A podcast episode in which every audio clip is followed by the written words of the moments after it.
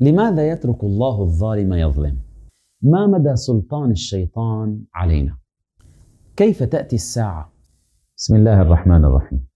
بتوفيق الله عز وجل وصلنا إلى الصفحة السابعة من سورة الحج، الحمد لله. فندعوكم إلى حفظها وحفظ ما سبق مراجعة الصفحات السابقة. الآن سنبدأ بتفسير هذه الصفحة. نبتدئ أولا بأن الناس يتساءلون لماذا يترك الله عز وجل الظالم يظلم ويقتل ويعني يتحدى الله سبحانه وتعالى؟ الحقيقة الآن الآية التي سنقرأها تجيب على هذا السؤال. ويستعجلونك بالعذاب ولن يخلف الله وعده وإن يوما عند ربك كألف سنة مما تعدون. فكانت قريش وكفار مكة الذين كانوا يصدون عن سبيل الله عز وجل. وكان النبي عليه الصلاة والسلام ينذرهم بأن هناك عذاب يوم القيامة وبأن الله عز وجل أعد للظالمين وللكافرين العذاب والحساب الشديد مثل ما أعد للمؤمنين والصالحين جنات تجري من تحتها الأنهار. فكانوا يستعجلون أنه طب ليسقط علينا العذاب ليأتي ربك علينا بالعذاب. فالله بيقول ويستعجلونك بالعذاب ولن يخلف الله وحده. الله عز وجل لن يخلف وعده إذا وعد بالعذاب. وإذا وعد بالجنات تجري من تحت الأنهار فالله عز وجل حتما سينجز وعده. وهذا يعني شيء مؤكد. الأمر الآخر الله سبحانه وتعالى يقول وإن يوما عند ربك كألف سنة مما تعدون. يعني هذا الوقت الذي نحن نشعر به بأنه طويل وبأنه الظالم يعني والكفار والذين يتحدون الله سبحانه وتعالى يعني في فسحة من الوقت هذا لا يساوي شيء عند الله عز وجل لأن يوما عند ربك كألف سنة مما تعودون. فإذا أمهل الظالم سنة سنتين عشر عشرين لا تساوي شيء عند الله عز وجل. ثم قال وكأي من قرية أمليت لها وهي ظالمة ثم أخذتها وإلي المصير. كم من قرية ما أكثر القرى التي ظلمت وكفرت وتحدت الله سبحانه وتعالى. ثم الله عز وجل في النهاية أخذها وأنزل عليها العقوبه الشديدة وإلي المصير إلى الله المرجع والمآل والحساب. ثم يقول الله سبحانه وتعالى: قل يا محمد قل يا أيها الناس يعني قل لهم يا أيها الناس إنما أنا لكم نذير مبين أنا أنذركم العذاب طبعا هذا الخطاب لكفار مكة كما وعد المؤمنين بالأعماء بالجنات التجري من تحتها الأنهار. فالذين آمنوا وعملوا الصالحات لهم مغفرة ورزق كريم. طبعا آمنوا لكن أي إيمان؟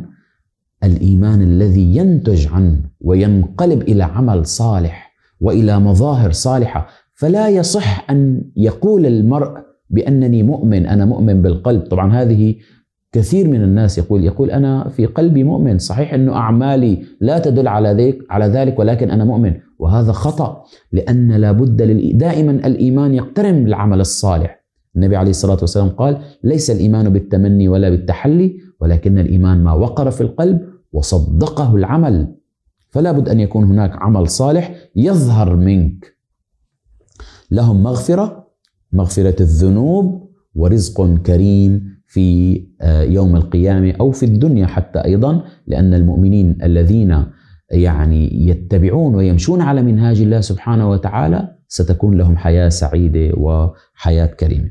والذين سعوا في آياتنا معاجزين أولئك أصحاب الجحيم الذين وضعوا كل الجهد والطاقة والمكر ليعجزوا أهل الله وليعجزوا الدعاة وليعجزوا المصلحين هؤلاء مصيرهم إلى الجحيم حتما. الآن نأتي إلى الآيات التي تتحدث عن كيد الشيطان. وأيضا يعني الناس تتساءل يا ترى ما مدى تأثير الشيطان وما مدى سلطان الشيطان على الإنسان؟ هذه الآية تجيب على هذا السؤال.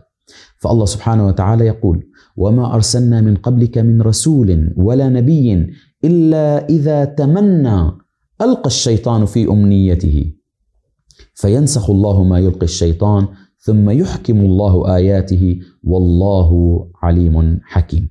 فيتساءل الناس يا ترى ما سلطان الشيطان على الانسان؟ الحقيقة تجيب عليه هذه الآية بأن ما أرسل الله من رسول يعني كل رسول يتمنى هداية الناس يتمنى أن يدلهم على الطريق الصحيح وعلى منهاج الله عز وجل.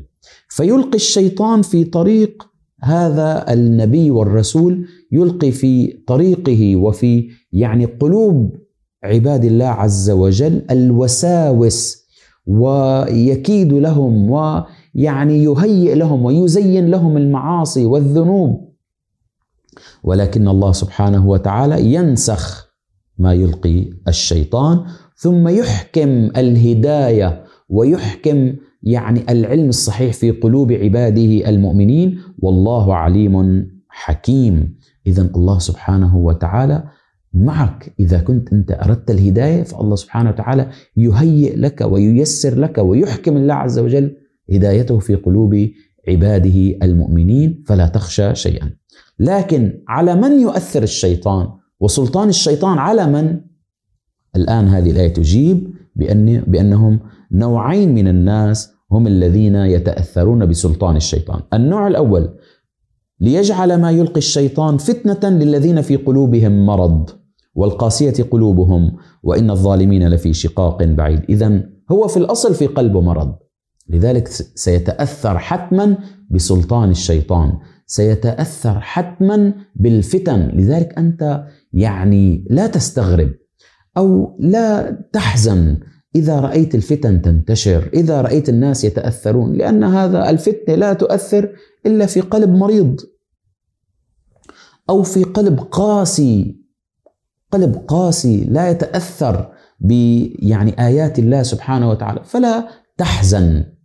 ولكن أنت كن بصان بجانب الخير وبجانب الحق. طبعا دائما هناك الناس هناك يعني أناس خيرين هناك أناس صحيح مثلا قد يكونوا في فيهم سوء وهناك أناس يتأثرون يعني حسب الموجة مثل ما بيقولوا. والنبي عليه الصلاة والسلام حذر قال لا يكن أحدكم امعه إن أحسن الناس أحسنت وإن أساءوا اسات لكن وطنوا أنفسكم أن تكن دائما بجانب الخير وبصف الخير ولا يكن في قلبك مرض ولا يكن في قلبك قلبك قاسي لا يتأثر بآيات الله سبحانه وتعالى. وليعلم الذين أوتوا العلم أنه الحق من ربك فيؤمنوا به فتخ فتخبت له قلوبهم وإن الله لهادي الذين آمنوا إلى صراط مستقيم. طبعا العلم دائما لما يرد العلم دائما العلم هو الذي يعني فيه عمل. فالعلم الذي لا ينقلب إلى عمل العلم الذي لا يورث خشية في القلوب هذا ليس بعلم هذا هذه قراءة اسمها. فدائما العلماء كما قال الله عز وجل في موضع آخر إنما يخشى الله من عباده العلماء. اذا وليعلم الذين أوتوا العلم أنه الحق من ربك فيؤمنوا به. اذا لابد العلم الذي يصلك لابد أن ينقلب إلى خشية إلى معرفة بالله سبحانه وتعالى إلى إيمان حينما تذكر يذكر اسم الله أمامك. إنما المؤمنون الذين إذا ذكر الله وجلت قلوبهم. هذه هي المعرفه المعرفة الحق. هذه المعرفة الصحيحة. أما المعرفة التي تكون مجرد معرفة مجرد قراءة لم آه، تستقر في القلب فهذه ليست المعرفة المطلوبة وليس العلم المطلوب. وليعلم الذين أوتوا العلم أنه الحق من ربك فيؤمنوا به فتخبت له قلوبهم. تخشع القلوب. تخشع القلوب لذكر الله. تخشع القلوب لله سبحانه وتعالى. وإن الله لهادي الذين آمنوا إلى صراط مستقيم. يعني ييسر لهم أسباب الهداية. لذلك لا تحزنوا. واطلبوا من الله من الله الهداية. إذا رأيت يعني الفتن كثيرة في بين الناس وأن الناس يعني يبتعدون عن منهاج الله نحن دائما في صلاتنا نطلب اهدنا الصراط المستقيم. كم مرة يطلب الإنسان الهداية؟ إذا طلبها بقلب صادق الجواب يقول الله عز وجل وإن الله لهادي الذين آمنوا إلى صراط مستقيم. الآن ستتحدث الآية عن يوم القيامة. ويعني من الأشياء العظيمة أن يوم القيامة يأتي فجأة بغتة. ولا يزال الذين كفروا في مرية منه حتى تأتيهم الساعة بغتة فجأة. أو يأتيهم عذاب يوم عقيم. وهذا يعني من آه، إمهال الله سبحانه وتعالى بأنه يمهل الظالم يمهل ثم يأتيه العذاب فجأة أو تأتيه الساعة يوم القيامة فجأة. فلذلك المؤمن يجب أن يحضر نفسه دائما مع الله سبحانه وتعالى. ولا يزال الذين كفروا في مرية في شك من يوم القيامة حتى تأتي الساعة فجأة. لكن لا تقبل وقتها لا يقبل في ذلك الوقت التوبة.